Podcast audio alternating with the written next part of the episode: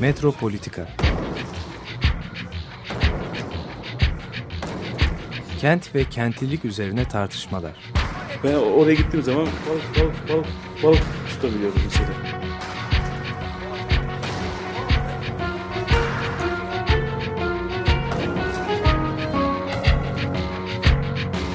Hazırlayıp sunanlar Aysin Türkmen, Korhan Gümüş ve Murat Güvenç. Takusuyor ki. Kolay kolay boşaltamadılar. Yani elektrikçiler terk etmedi Perşembe Pazarı merkezinde. Merhabalar sevgili Açık Radyo dinleyicileri. Bugün Korhan Gümüş'le beraber sevgili e, Ozan Atalan'ı e, ağırlıyoruz. Sanatçı Ozan Atalan. E, hoş geldin Ozan. Hoş buldum Aysin, merhabalar. Ozan'ın, e, Ozan Atalan'ın 12 Eylül 2020 tarihinde Mikser'de e, Zorla Kapatma e, adlı sergisi açıldı. E, bu programda e, o e, sergiden de bahsedeceğiz. Bu sergi 31 Ekim'e kadar devam edecek. E, aynı zamanda e, Ozan Atalan'ın e, antropesen e, temalı 16. İstanbul Bienalindeki işi monokromu e, bu programda da konuşacağız. E, bu antroposen e, ve post antroposen üzerine e, çalışmaları var Ozan'ın. E, şimdi antroposen üzerine biz de daha önce e, e, Deniz'le, e, Deniz İbrişim'le programlar yapmıştık. E, neydi bu antroposen diye ben çok kısa bir giriş yapacağım. E, sonra da Ozan'ın sergileri üzerinden işlerini konuşacağız. E, şimdi bu m, aslında bir e, jeolojik zaman e, hatta bir alt bölümü diye de e, düşünebiliriz. Pliyosen, Pleistosen, Holosen'den sonra gelen e, bir jeolojik dönem. Bazı e, jeologlar e, Holosen'in bir alt bölümü olarak düşünüyorlar antroposeni. Peki antroposen e, niye hani sanatçıların da ilgisini çekti? Çünkü e, antroposen döneminde e, insan bir özne olarak ve e, jeolojik bir güç olarak dünyayı değiştiriyor. Dünyanın de- değiştirme kapasitesine e, daha doğrusu e, gücüne sahip olduğu bir dönem antroposen. E, biz bu e, programda antroposen çağında e, sanat yapmayı, burada bu konuyla ilgili yapılan e, sanat eserlerini konuşuyor olacağız e, Ozan'la birlikte. E, bu antroposeni aslında e, dü- e, dünyayı ve e, insanı biyolojik ve jeolojik olarak nasıl göreceğimizi de e, bize biraz hissettiriyor. E, istersen Ozan bu e, Biennale'deki işinle başlayalım. E, monokrom adlı işinle. E, neden Evet. monokrom? Neden monokrom? Ee, öncelikle e, monokromun e, kelime anlamının metaforik bir kullanımı var. E, teknik bir anlamı, sanatta teknik anlamı olan bir kelime monokrom. E, baktığımızda e, senin de bahsettiğin gibi antroposen çağını dünyadaki özellikle büyük şehirlerde ve sanayileşmiş şehirlerde çok fazla hissediyoruz. Çünkü e, hatta artık post antroposen bile diyebileceğimiz bir çağdayız. Ve iklim krizini kabul etmemenin dahi ya da bunu sorgulamanın dahi bir çeşit e, toplumsal dışlanmaya yol açtığı komünitelerin olduğu bir çağdayız. Ve böyle bir ortamda e, aslında her şey tek bir rengin farklı tonlarından ibaretmiş gibi gözükebiliyor ve böyle hissettiğim bir durumdu. E, Biennale'de İstanbul'un mandaları üzerinde, İstanbul'da tarihsel, kültürel, ekonomik öneme sahip olan mandalar üzerine e, bir araştırma yapmıştım. Aynı zamanda bir e, dokümantasyon çalışmasıydı bu. E, dokümantasyon olduğu kadar tabii ki İstanbul'daki mevcut şehir politikalarının bir eleştirisiydi. Yola çıktığımız nokta e, antropoloji olarak, antropo, pardon, antropolog olarak sanatçı noktasıydı ve e, antropolojinin nöt tavrını ben de, nötr tavrını ben de işimde yansıtmaya çalıştım. E, özellikle Kuzey Ormanları bölgesindeki şehirleşme, işte Vadi İstanbul, Kemerburgaz taraflarındaki e, köylerdeki doğal ortamında yaşayan mandaların ne yazık ki şehirleşmenin müdahalesiyle ki bunun içerisinde işte Kuzey Marmara Ot- Otoyolu var, Üçüncü Köprü var, e, yeni havalimanı var. E, mandaların doğal yaşam alanları ne yazık ki yok olma tehlikesiyle karşı karşıya. Ve bu araştırmayı yaparken e, gerek çekimler, drone çekimleri gerekse e, işteki heykel bileşeni ve enst heykel enstalasyonu bileşeniyle e, bir yas ortamı yaratmaya çalıştım ve monokrom bunun için, bunun için uygun bir isimdi. E, çünkü çok renkli bir şey görmüyorsunuz. Aksine sizi depresyona sokan görüntülerle karşılaşıyorsunuz ki bu işin estetiğine de yansımıştı. Örneğin videoların rengi e, susturulmuş, satürasyonu azaltılmıştı ki doğa renklerini, doğal renkleri olduğu gibi göremiyorsunuz aslında. Şehir renkleriyle doğa renklerini birbirine yakınlaştırmaya çalıştım. Çünkü içerik olarak da böyle aslında. Doğanın ve insanın ayrılmazlığından bahsediyorsak eğer, ben de bu ayrılmazlığı işte dekadent bir kültürle e, bozulmuş bir doğanın ideal birleşimi üzerinden absürt bir dille kurgulamak istedim. Monokrom buradan çıktı aslında. Peki neden mandalar? Neden mandalar? Aslında dediğim gibi mandalar e, Atilla Yakınol diye çok yakın bir arkadaşım var. Onunla sohbetimiz sırasında e, mandalarla tanıştım. İstanbul'un mandalarıyla ve Bienal işimi e, mandalar üzerinden ilerletmeye karar verdim. Öncelikle psikolojik e, olarak çok hassas hayvanlar ve e, o bölgeye e, incelemeye gittiğimde de e, duygusal bağ kurabildiğim hayvanlar oldu. E, bunun tabii ki kavramsal boyutu da var. Mandalar İstanbul için her zaman çok önemli olmuş. Eski İstanbul kartpostallarına baktığınız zaman e, mutlaka şehir meydanlarında işte Üsküdar, Taksim, Sultanahmet gibi meydanlarda mandaların olduğunu görürsünüz. Bir de Evet. şey var. Ben de araya girerek şeyi hatırlatmak istiyorum. Ee, Boğaz'ın ismi de aslında öküz değil mi? Bosforus ismi de oradan geliyor. Çünkü bu şeyin e, su baskınıyla birlikte Boğaz'ın açılması milattan önce sarda 8500 yılında ya da 6500 yılına kadar belki e, şey yapılabilir, değişebilir. Bu tarihlerde hayvanların buradan e, iki yak arasındaki göç e, ilişkileri bir süreklilik kazanmış olduğu için boğazlar açıldıktan sonra yüzerek karşıdan karşıya geçmeleri söz konusu olabiliyor. Zaman zaman ki bunu gördük değil mi? E, şeyler geçti, yaban domuzları yüzerek karşıya geçtiler. Yani boğazda aslında sonra hayvanların alışkanlıklarında e, bir takım şeylerinde böyle bir süreklilik hala devam etmiş gibi. E, İstanbul Boğazı da bu açıdan e, böyle bir şey sahip, isme sahip. Evet, hatta e, manda batmaz diye bir te- terim var. E, Taksim'de de bunun ismini alan bir kahve dükkanı var sanırım. E, yani bir bir şekilde şehrin kültürel hayatında hep önemli olmuş, ekonomik hayatında da. E, Biraz aslında sergiyi de e, gözümüzde canlandıracak e, ipuçları da verebilir misin? E, bir manda iskeleti vardı değil mi sergide? aa, evet, gerçek bir manda iskeleti vardı sergide. E, kabaca tarif etmek gerekirse işi e, köşede konumlandırılmış, kenar kenara e, konumlandırılmış iki ekran e, olan olması gereken ya da geçmiş gelecek bağlamında e, bölgedeki havadan çekimleri içeriyordu. Vadi İstanbul Kemerburgaz hattında. Bir yanda mandalar doğal ortamlarındayken diğer ekranda e, yöredeki mevcut şehirleşme e, yansıtılıyordu. Bunun yanı sıra heykel bileşeninde de e, toprak, gerçek toprak üzerine dökülmüş çimento ve çimentonun üzerinde e, biraz daha modernist bir dille yaklaşarak oluşturulmuş e, bir e, manda iskeleti heykeli vardı. Bu şekilde aslında toprağa ulaşamama hali ya da bir, bir, çeşit röntgen çekilme halinden bahsedebiliriz. Neden iskeletti? E, hep neden neden diye soruyorum o zaman fazlasıyla.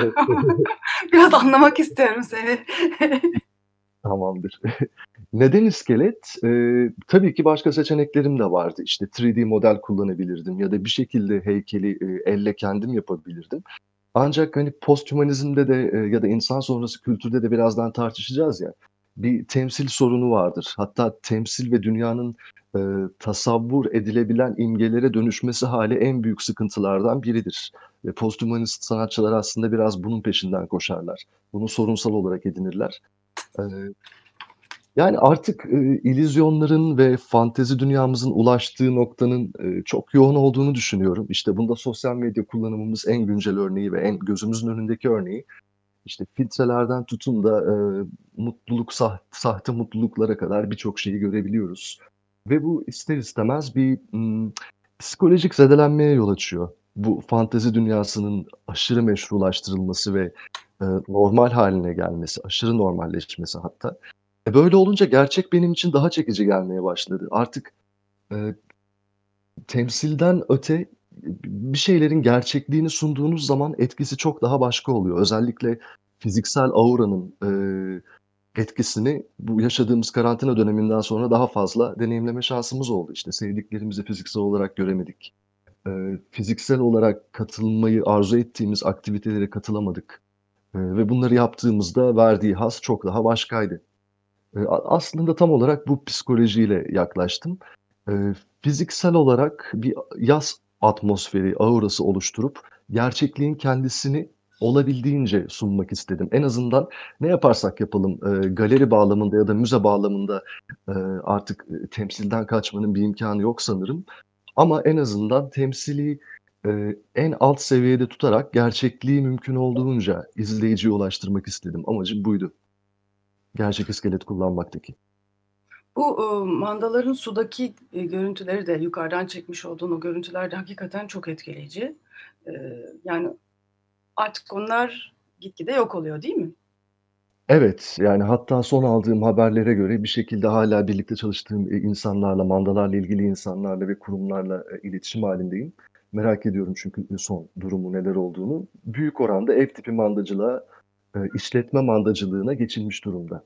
Endüstriyel bir şekilde.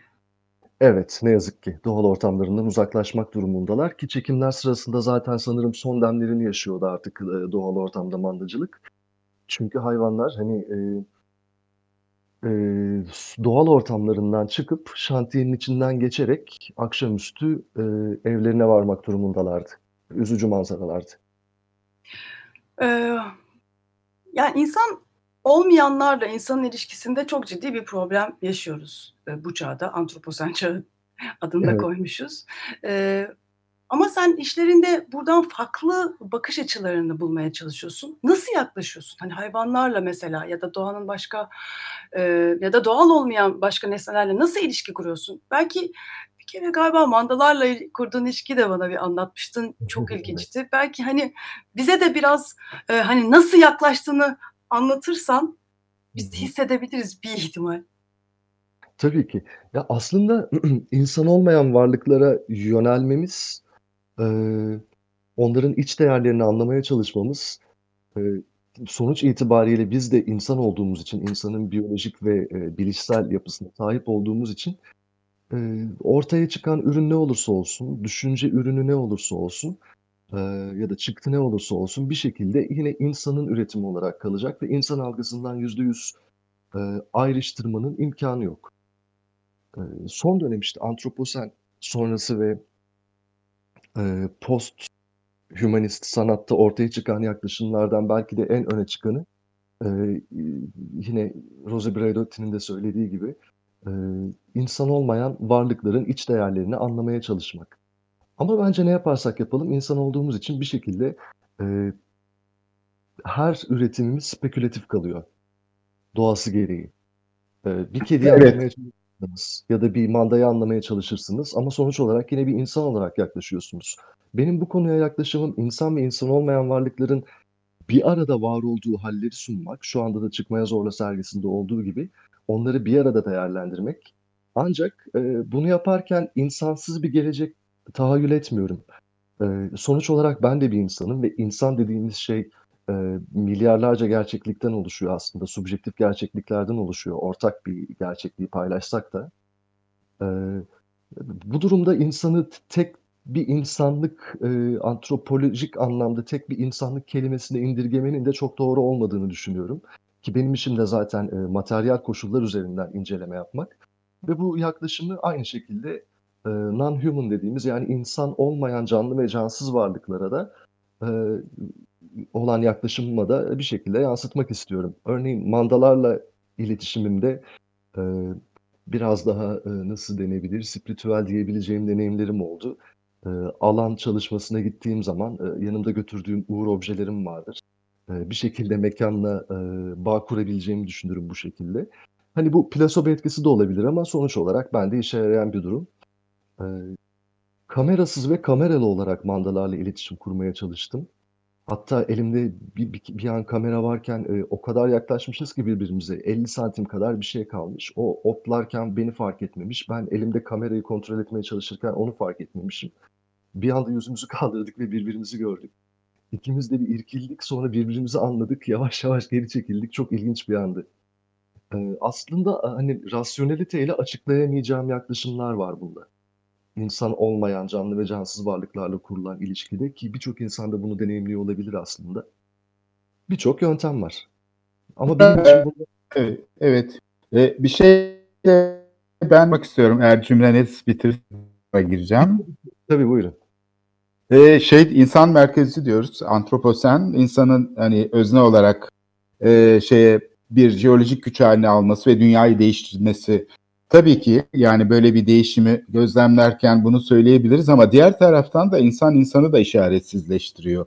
Yani evet. öyle bir sistemden söz ediyoruz yani insan biraz soyut kalıyor. Çünkü bu yaşadığımız sistem aslında insanın evet etkilediği bir sistem, değiştirdiği bir şey öyle gözüküyor. Çünkü insan bu işaretleri kullanıyor. Ama bir taraftan da kendisini işaretsizleştirdiği için aslında biz e, yani bu şeyin e, Mark Fisher'in söylediği gibi hani insanın sonunu hayal edebiliyoruz, dünyanın sonunu hayal edebiliyoruz ama kapitalizmin e, sonunu pek hayal edemiyoruz. Yani mesela kuzey ormanları hep bütün master planlarda koruma altındaydı. Hepsinde. Fakat öyle bir sistem e, gelişiyor ki e, böyle bir karşı dalga hareketi oluyor. Yani insan insan işaretsizleştirdiği için bu şeyler arızalar, hileler, kurnazlıklar, rant şeyleri hep şeyin evet. içindeki işaretler olarak bize geri dönüyor. Yani tepeden inmeci bir planlama, nesne eleştiri çevre hareketi değil mi? Çevre hareketi de bundan muaf değil. Yani o da nasibini alıyor bu işaretsizleştirici şeyden ve karşı dalga olarak da siyasal popülizm işte şey oluyor, motive oluyor ve hiçbir zaman bu köprülerden ve şeyden e, imar rantından vazgeçemiyor yönetimler. Dolayısıyla hani burada bütünüyle baktığımız evet. zaman bir bağlam içinde gördüğümüz zaman aslında insanın insanı işaretsizleştirmesi. Evet. Onu da burada çok önemli bir rol oynuyor. Yani kapitalizm de burada çok önemli bir rol oynuyor. Yani sınıfsal bir mesele de var aynı zamanda bunun içinde. Evet, kesinlikle katılıyorum buna. Hatta sergimde de e, değindiğim konulardan biriydi bu. Ee, örneğin birleştirmeye çalıştığım ayrıştırıcı yorumunu bütünleştirici yoruma çevirmeye çalıştığım dualitelerden biri ben ve ötekiydi. Ee, insan ve doğanın yanında. Çünkü insanın doğaya karşı yıkıcı da yaklaşımı ben ve ötekideki e, ayrıştırıcı dualist yorumla aynı aslında. Evet. Tam söylediğiniz gibi. Ee, istersen e, biraz da bu e, şu anda mikserde açık olan e, ve 31 Ekim'e kadar devam edecek olan Zorla Kapatma e, sergisindeki işlerine e, bakalım. E, zorla kapatma gene ben sana neden diye soracağım ama e, Force Quit aslında bu bilgisayarda e, kapatamadığımız programları zorla kapattıran e, bir e, komuttan yola çıkmışsın. E, serginin e, adı da e, çıkmaya zorla bunun e, Türkçesi. E, evet. Neden çıkmaya zorla? neden çıkmaya zorla? Çünkü bunu e, bu terimi hayatımda çok fazla hissettim son zamanlarda. Birçoğumuz gibi birçok bir farklı uzantısı var aslında bunun. E, ben yine e, temel konumdan e, devreye gireyim. E, o da işte tezimde de incelediğim konu olan, doktora tezimde incelediğim konu olan insan ve insan olmayan varlıkların birlikte evrimsel estetiği ama bunun içerisinde tabii ki insan merkezciliğe de değiniyorum. E, insan merkezcilik dediğimiz şey ne? E, insanın kendini e, insan olmayan e, canlı ve diğer canlı ve cansız varlıklardan üstün tutması, sahte bir hiyerarşik ilişkiye koyması, bunun sahte olduğunun farkına varıyor ya da varmıyor da olabilir. İki durumda kötü. Ancak e, insan paradigma ve değerlerini diğer varlıklara atfetmesi. Sırf dünyayı e, daha belirli bir hale, daha güvenilir bir hale getirebilmek için kendi adına. Ama taviz verilen şey insan dışı varlıkların kendi değerleri aslında. İşte bunun içinde antropomorfizmi de sayabiliriz. E, humanist yaklaşımı da sayabiliriz. Hani tarihsel gelişimi çok geniş. E, modern dünyanın inşasında e, adı geçen e, Kant felsefesini ve dünyayı işte iyi kötü güzel çirkin doğru yanlış gibi ikiliklere e, ayırmasını da söyleyebiliriz. En azından bu insan merkezci düşünceye katkıda bulunması anlamında. Ya da daha geriye gidersek Platon'un e, mimesisinin de sanatta karşılığı olan bir terim olan mimesisinin de temeli e, ideal ve form dünyalarını ayırması aslında. Dualiteler hep var. E, işte beynimizde serebral korteks yani bilişsel süreçlerin yönetildiği bir bölüm var. Bunun yanı sıra amigdala duygusal süreçlerin yönetildiği bir bölüm var. Ve e, daha önce karşılaşmadığımız bir durumla karşılaştığımızda öncelikle duygusal süreçler devreye giriyor. İlk tepkimiz duygusal ve sezgisel oluyor. Ve bu bizim için iyi mi kötü mü diye ayırıyoruz. Aslında bu ikili düşünce yöntemi e, son derece doğal. İnsan doğasına uygun, kültürel olarak inşa edilmemiş bilimsel araştırmalara göre. Ancak bu ikilikleri nasıl yorumladığımız kısmında sorun ortaya çıkıyor. İnsan bu hiyerarşik ilişkide kendini ayrıştırmaya başladığı noktada sorun olmaya başlıyor ki e, bu en belirgin olarak aslında aydınlanma öncesi Rönesans hümanizmiyle birlikte kendini göstermeye başlıyor. İnsan artık e, algılayan özneye dönüşürken dünyanın geri kalanı algılanan nesneye dönüşüyor. İşte buna e, öncesinde Kopernik devrimiyle e, güneş merkezli evren modeliyle dünyanın kutsallığını kaybetmesi de katkıda bulunuyor. Ve e, Richie Nimmo'nun dediği gibi hümanizm insanlık ve diğerleri arasındaki farktan besleniyor ve bu anlamda oldukça antroposentrik yani insan merkezcidir. Hümanizm özellikle değinmek istedim çünkü posthümanizm derken neyin postu, neye tepki olarak ya da neyin sonrası. Bu yüzden kısaca değinmek istedim. E, sergiye gelecek olursak bu insan merkezci yaklaşıma karşı bir duruş var. Ee, ve bu insan merkezciliğin temelinde de dualitelerin ikici yorumlanmasının olduğunu düşünüyorum. Bu az önce de bahsettiğim gibi ben öteki olabilir, doğal yapay olabilir, organik endüstriyel, dijital fiziksel, kadın erkek, e, işte dünyevi ve aşkın, transandantal. E, Birçok dualiteyi sayabiliriz bu şekilde.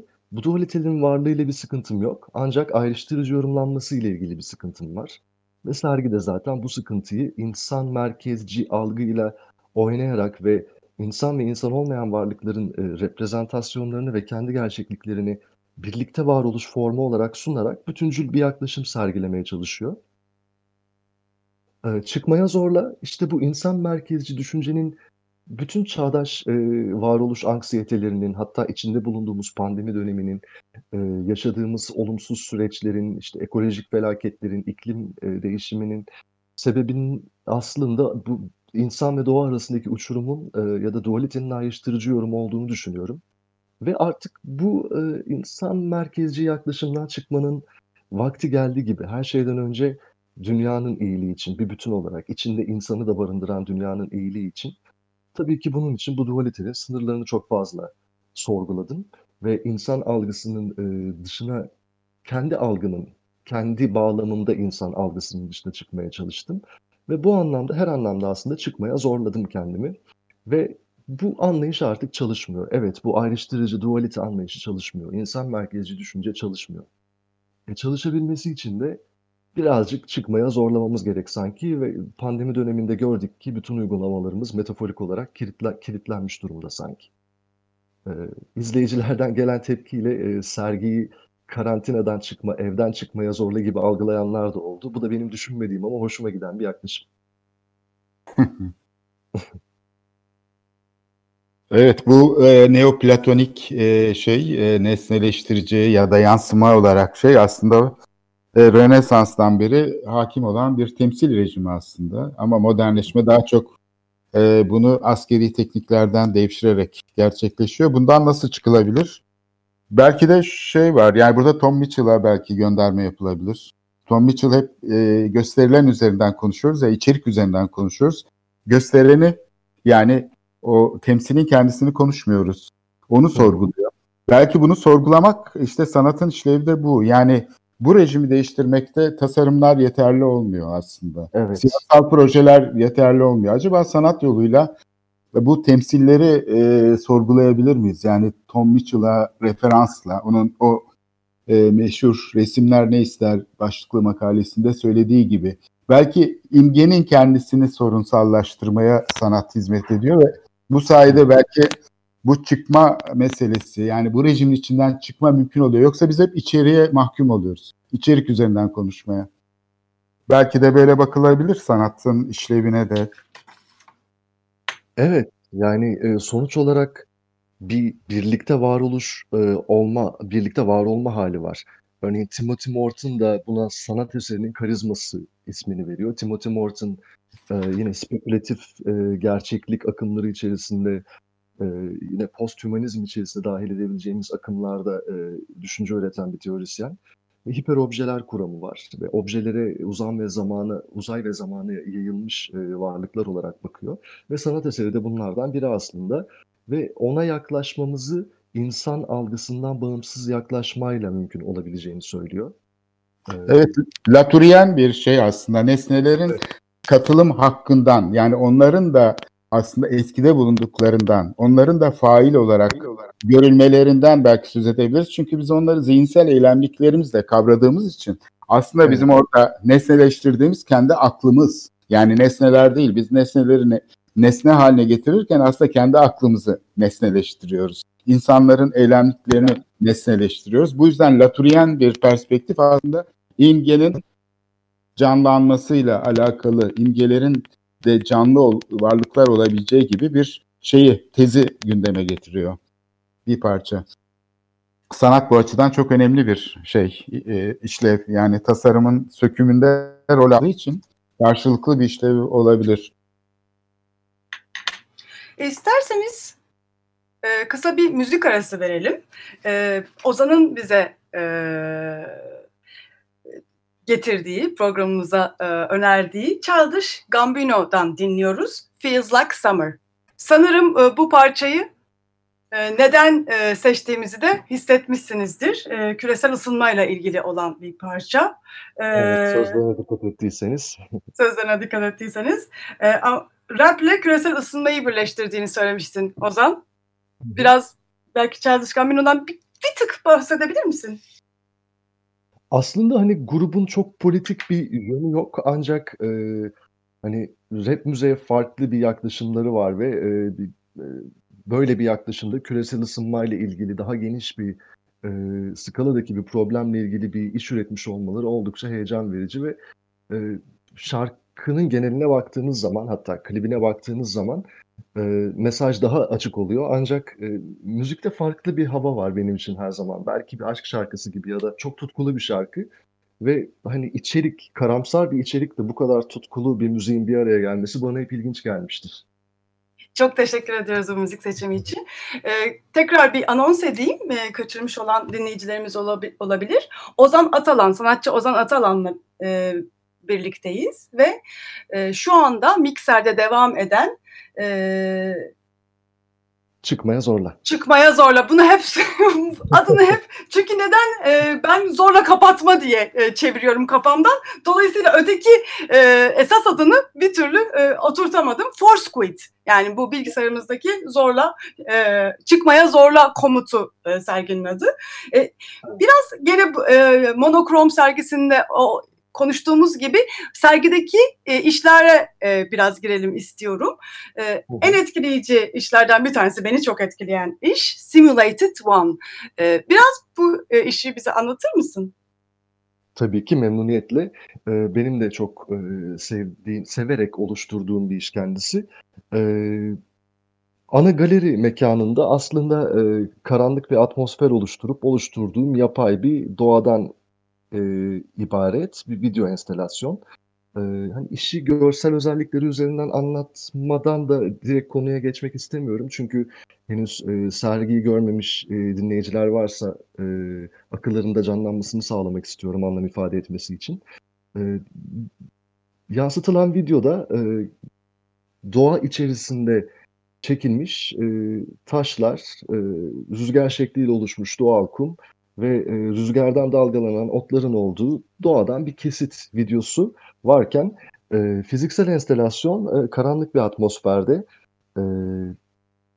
videodaki rüzgar simülasyonunu oluşturacak şekilde, videodaki hareketi taklit edecek şekilde bir Arduino'ya bağlı olarak ve güç kaynağına bağlı olarak yapay otları hareket ettiriyordu ve aynı şekilde grid sistemiyle kesilmiş taşlar, e, ya da benzer yaklaşımla oluşturulmuş, kuartz kumla oluşturulmuş bir atmosfer. Ancak her şey e, çok daha doğal gözüküyor bu fiziksel enstelasyonda.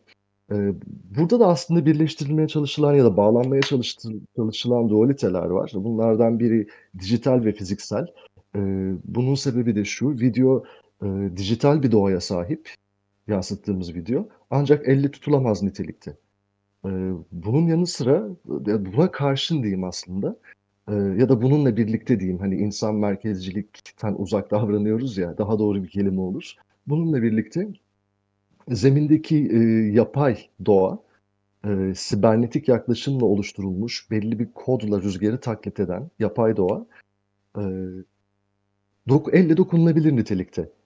Aslında fizikselle dijitalin birleştiği son zamanlarda e, çokça tartışılan e, digital ya da fijital kavramıyla bağlantılı olan bir çalışma. E, bunun yanı sıra birleştirilmeye çalışılan dualitelerden bir diğeri de doğal ve yapay. E, doğal ve yapayın sınırlarını çok sorguladım, sorguluyorum da. E, aslında bu da yine insan sonrası kültür üzerine ya da insan sonrası sanat üzerine okumalarından da e, etkilendiğim e, teorik altyapılardan biri, düşünce sistemlerinden biri. E, doğalın sınırları nedir? Yapayın sınırları nedir? Aslında bu iki dualiteyi birleştiren ve bütüncül olarak yorumlamamı sağlayan şey dönüşüm kavramı, denge ve dönüşüm. E, hani Marksist bir teoriden e, dönüş, gerçeklik dönüşümde saklıdır. Hani Marksizmden, Marksizmden ödünç aldığım bir düşünce varsa o da e, materyalizme e, olan saygımdır. Tarihsel materyalizme ya da e, şeylerin kendi içkin değerine ve bunun içinde şu an aslında Zen'den çok farklı olmayan bir şekilde şu anın yorumlanması ve e, dönüşümün, gerçekliğin dönüşümde saklı olduğu düşüncesi hakim. E, bir, bir çeşit dönüşüm var. Bir, birlikte var olma hali var. Çünkü video olmadan e, yapay fiziksel enstelasyon bu kadar etkili değil. E, fiziksel enstelasyon olmadan video bu kadar etkili değil dijital, fiziksel, yapay, doğal bir şekilde birbirlerini içerik ve estetik olarak e, karşılıyorlar. Kendi farklı bir aura yaratıyorlar ve peşinde olduğum estetik de zaten bu. E, heyecan verici bir işti benim için de oluşturma aşamasında. E, sibernetik nosyonlardan yararlandım. Ha, ben de Ee, tam onu soracaktım Ozan. Sibernetik sanat e, diyoruz, sibernetik estetik diyoruz. Belki biraz bu, bu kavramları da açar mısın? Tabii ki. E, sibernetik yaklaşım dediğimiz aslında insan ve insan olmayan diğer varlıkların ki bunların içine biraz daha spesifik olarak bitki, hayvan, işte mantar, protisto, pratis protista, diğer e, canlı yaşam formları, insan dışında olan yaşam formları ve cansız varlıklar. E, bunun içine işte belki taşları koyabiliriz, toprağı koyabiliriz.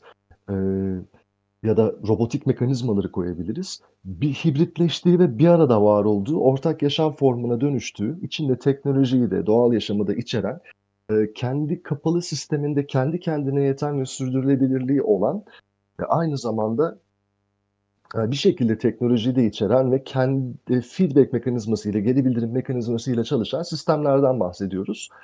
E, aslında bu işte sibernetik yaklaşım da var. Çünkü doğayı taklit eden şey ee, yine bir insanın oluşturduğu kod. İnsan ve makinenin bir karşılıklı etkileşim hali var. Ee, ortak çalışması hali var.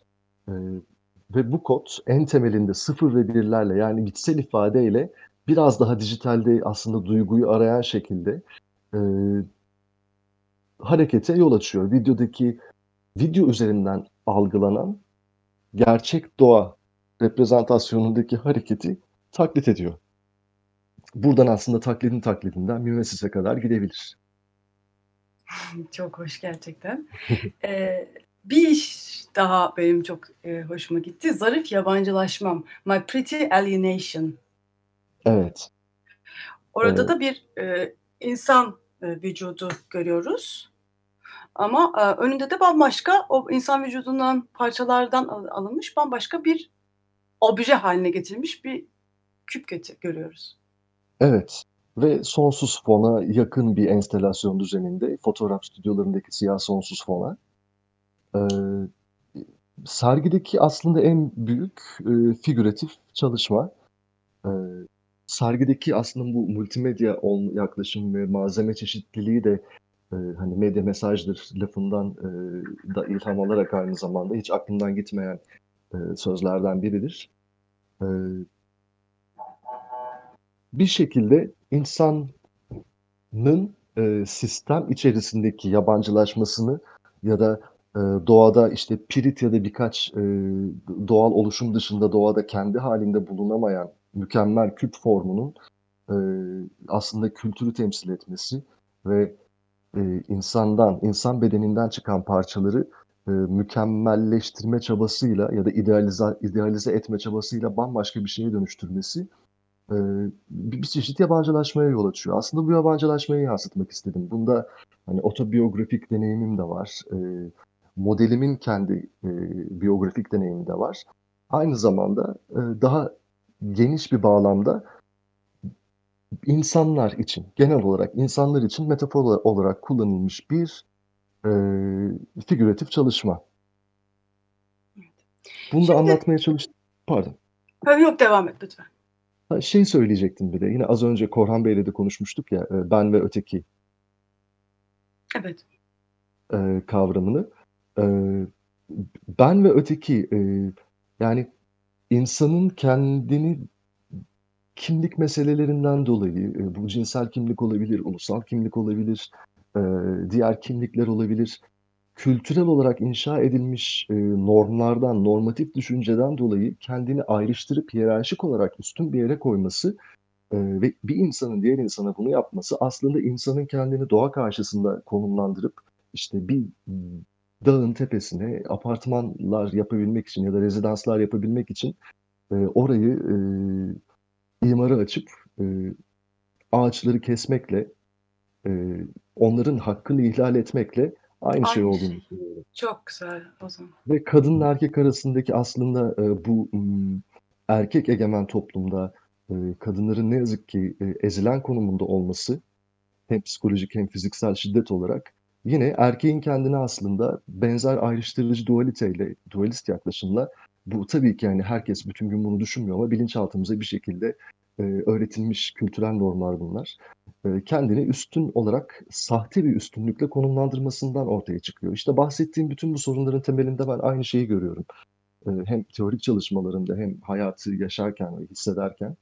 E, bu- bunu yansıtmak istedim aslında. Ben ve öteki, insan ve doğa. İkisine de yıkıcı yeniden bağlamlandırmayı uygularsak sonuç olarak çıkan estetik durum çok farklı olmuyor birbirinden. Ee, sana daha birazcık daha bu sefer sergilerin e, hem sergilerden bahsederek ama biraz daha geniş bir soru sormak istiyorum. Yani e, bu senin yaptığın şey aslında çok zor bir iş. Yani bu çünkü iklim değişikliğiyle ilgili olsun, e, insan sonrası antroposenle ilgili olsun sanat yapmak çok zor bir alan. E, çok zor bir alanı seçmişsin. E, neden? Çünkü bir senin de e, bütün program boyunca bahsettiğin gibi insanın bize verilmiş olan bakış açısının dışında bakabilmek çok zor. Ve diğer yani insan olmayanlarla bu tarz ilişkiye geçmek, hayvanlarla, doğayla, betonla ilişkiye geçmek çok çok zor. Çünkü çok da şartlandırılmış 250 yıllık üzerimizde olan bir birikimle hareket ediyoruz. Bu, yüzden bakamıyoruz yani. Çok zorlanıyoruz ki hani sen bunu ciddi bir şekilde deniyorsun algılarını açmaya çalışıyorsun. Bir bu yüzden, ikincisi de e, yani iklim değişikliğiyle ilgili yaşanan bir melankoli var dünya. E, kayıp, dünya elimizden gidiyor duygusu var çoğumuzda. Biraz daha farkında olarak yaşayan bir sürü insanda. Bu kayıp duygusuyla baş etmek de çok zor. E, Yani durumun sürdür- sürdürülemeyeceğinin hepimiz farkındayız ama o kadar e, bunun altında da eziliyoruz ki e, bir şeyler yapamıyor hali de var. O yüzden de hani e, bu konuda sanat yapmak bir yandan çok büyük bir cesaret ve bütün bu yükü ve melankoli de üzerinden atmayı da gerektiriyor. E, sen nasıl düşünüyorsun? Yani bu, bu konuda sanat yapmaya nasıl e, ikna oluyorsun? Nasıl e, bu zorluklardan e, bu zorlukları aşıyorsun? Ee, yani bazı konularda skalamı kaybedeli çok uzun zaman oldu aslında. Hani tıpkı doğal ve yapay arasındaki sorgulamam gibi. İşte bunun içerisinde mesela insanın aşırı meşrulaştırması ve aşırı rasyonalize etmesi var. Bu olan bir duruma dair de olabilir ancak e, kendi algısına takılıp e, acaba gerçekten öyle mi algılıyorum kısmında da olabilir. Yani algıladığım şey gerçekten bu mu yoksa ben mi öyle algılanıyorum? Çoğu zaman kendim algılıyorum. Çoğu zaman kendimi bu ikili e, alanda ya da bu geçiş alanında e, görüyorum bu tampon bölgede. E, hani gerçekten böyle mi ya da ben mi öyle algılıyorum? Çok Çoğumuz yaşıyoruzdur sanırım özellikle son zamanlarda. Bu tampon bölge beni çok besliyor ve nötr bir tavır var e, duruşumda. Bu yüzden o skalayı kaybettim dedim.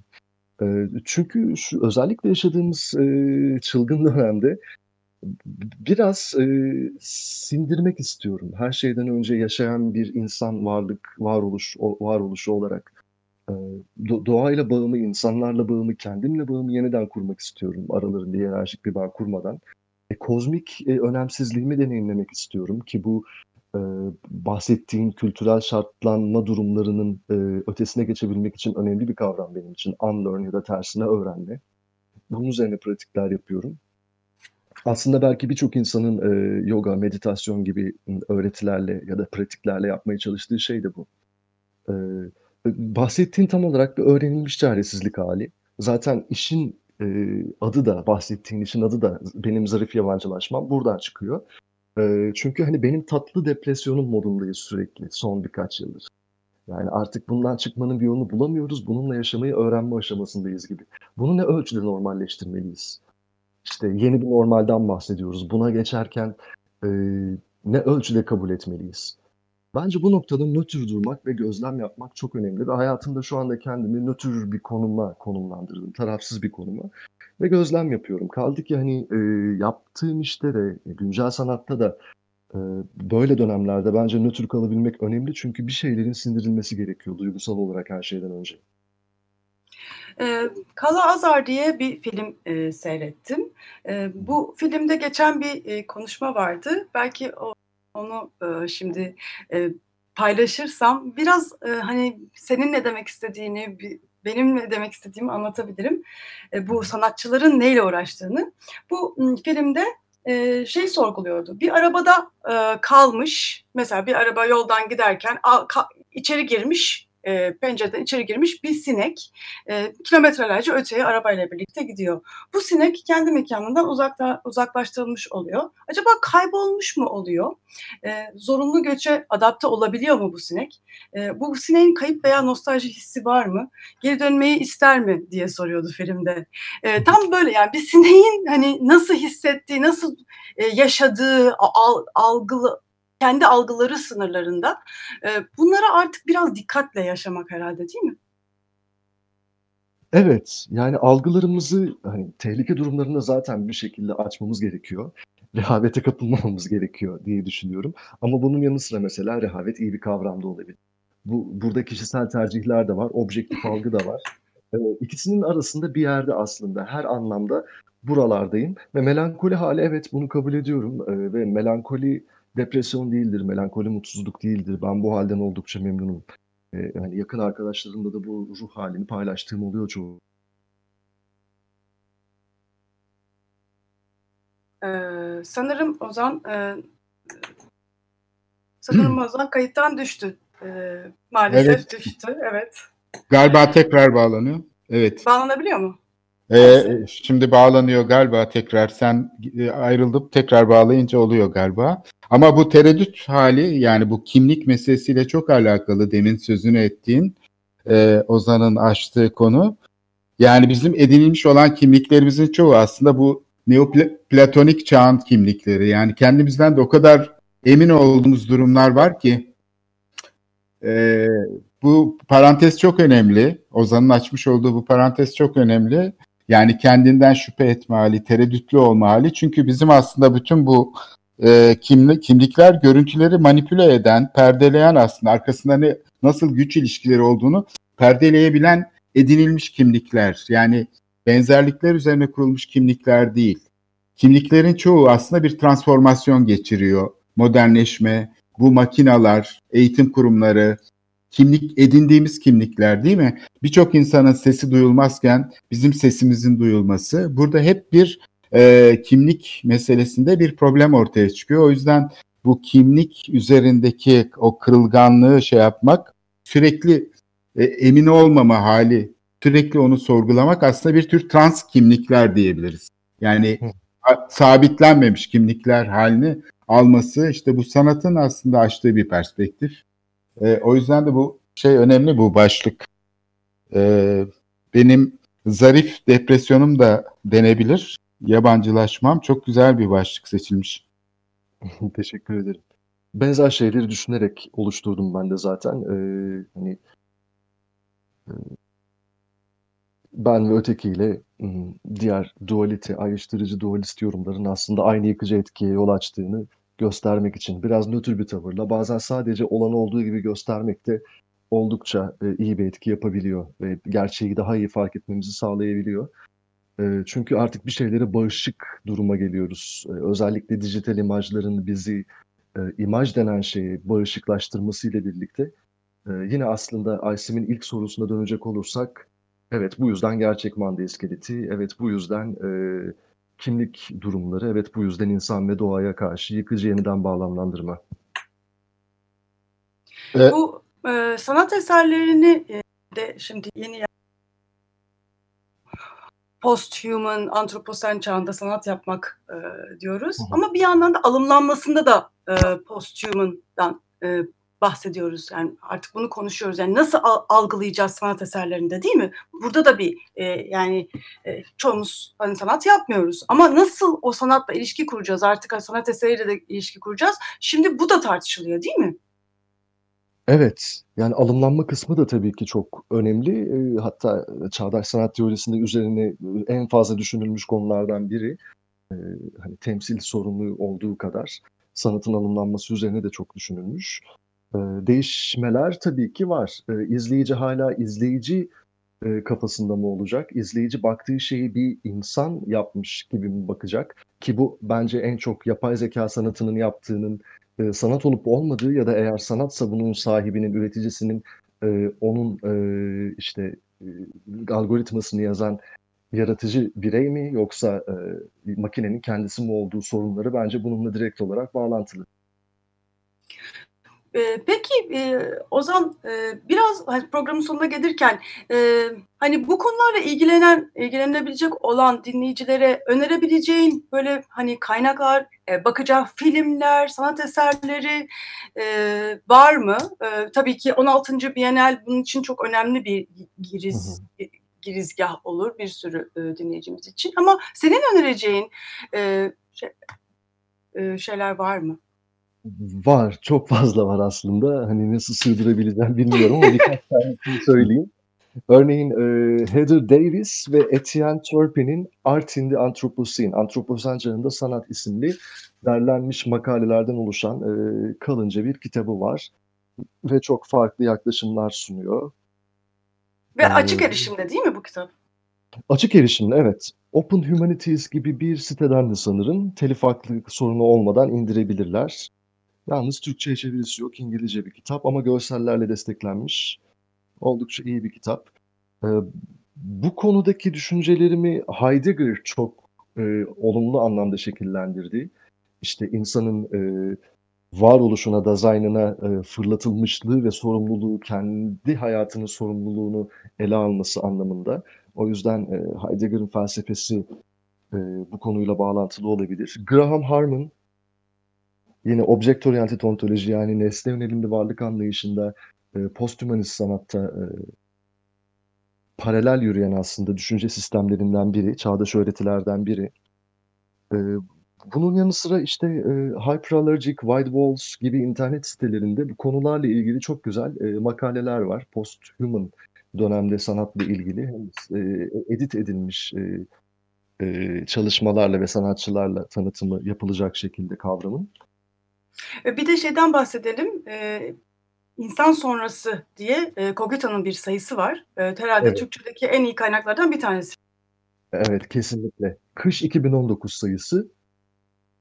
Hatta orada da Nazlı Ökten'in e, bir yazısı var, kısa bir yazısı var. E, ama kısa ve oldukça anlaşılır bir yazısı var. Foucault temelli. E, İnsan sonrası sanat başlıklı. Ee, Kesinlikle. biraz zor e, hani bu şey e, dilleri zor. Hani Rosie Braidoot'un dili zor Evet. mesela.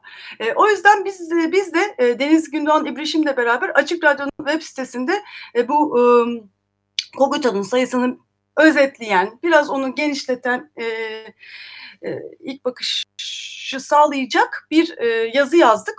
E, hani bu konuyla ilgilenen dinleyicilerimiz için iyi bir giriş olabilir o yazıda. Kogito'nun sayısını da unutmayalım Türkçe'de. Başka Türkçe'de ben şimdilik bilmiyorum. Sen biliyor musun Ozan? Aa, evet bir, bir kitap daha e, aklıma geldi. Ters Köşe Ekoloji diye bir kitap var. Hı hı. E, editörü Ayşen Ciravoğlu. Genellikle e, mimarlık alanındaki akademisyenlerin e, işte çağdaş konular üzerine e, yazdığı işte ya da bu- bunun içinde posthumanizm de var, e, sürdürülebilirlik de var, sürdürülebilirliğin sınırlarını sorgulamak da var. E, buna dair kısa kısa yazıların yer aldığı çok güzel bir başvuru kaynağı. Mimari Evet açıdan. Ozan e, yavaş yavaş programın sonuna geliyoruz. E, gerçekten e, çok hoş bir sohbet oldu. Çok teşekkür ederiz sana. E, Ben de programı teşekkür ederim. E, tekrar programımıza bekliyoruz. Yeni serginde mutlaka programımıza bekliyoruz. İstersen kapatmadan e, sergiyi tekrar e, anons edelim.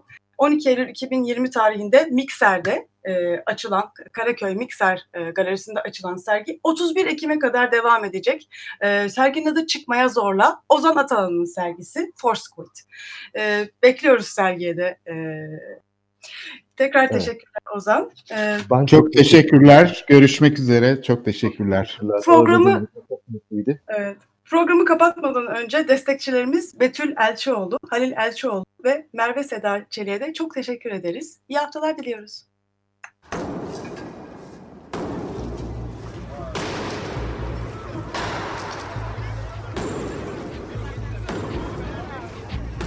Metropolitika Kent ve kentlilik üzerine tartışmalar. Ben oraya gittiğim zaman balık balık balık balık tutabiliyorum mesela.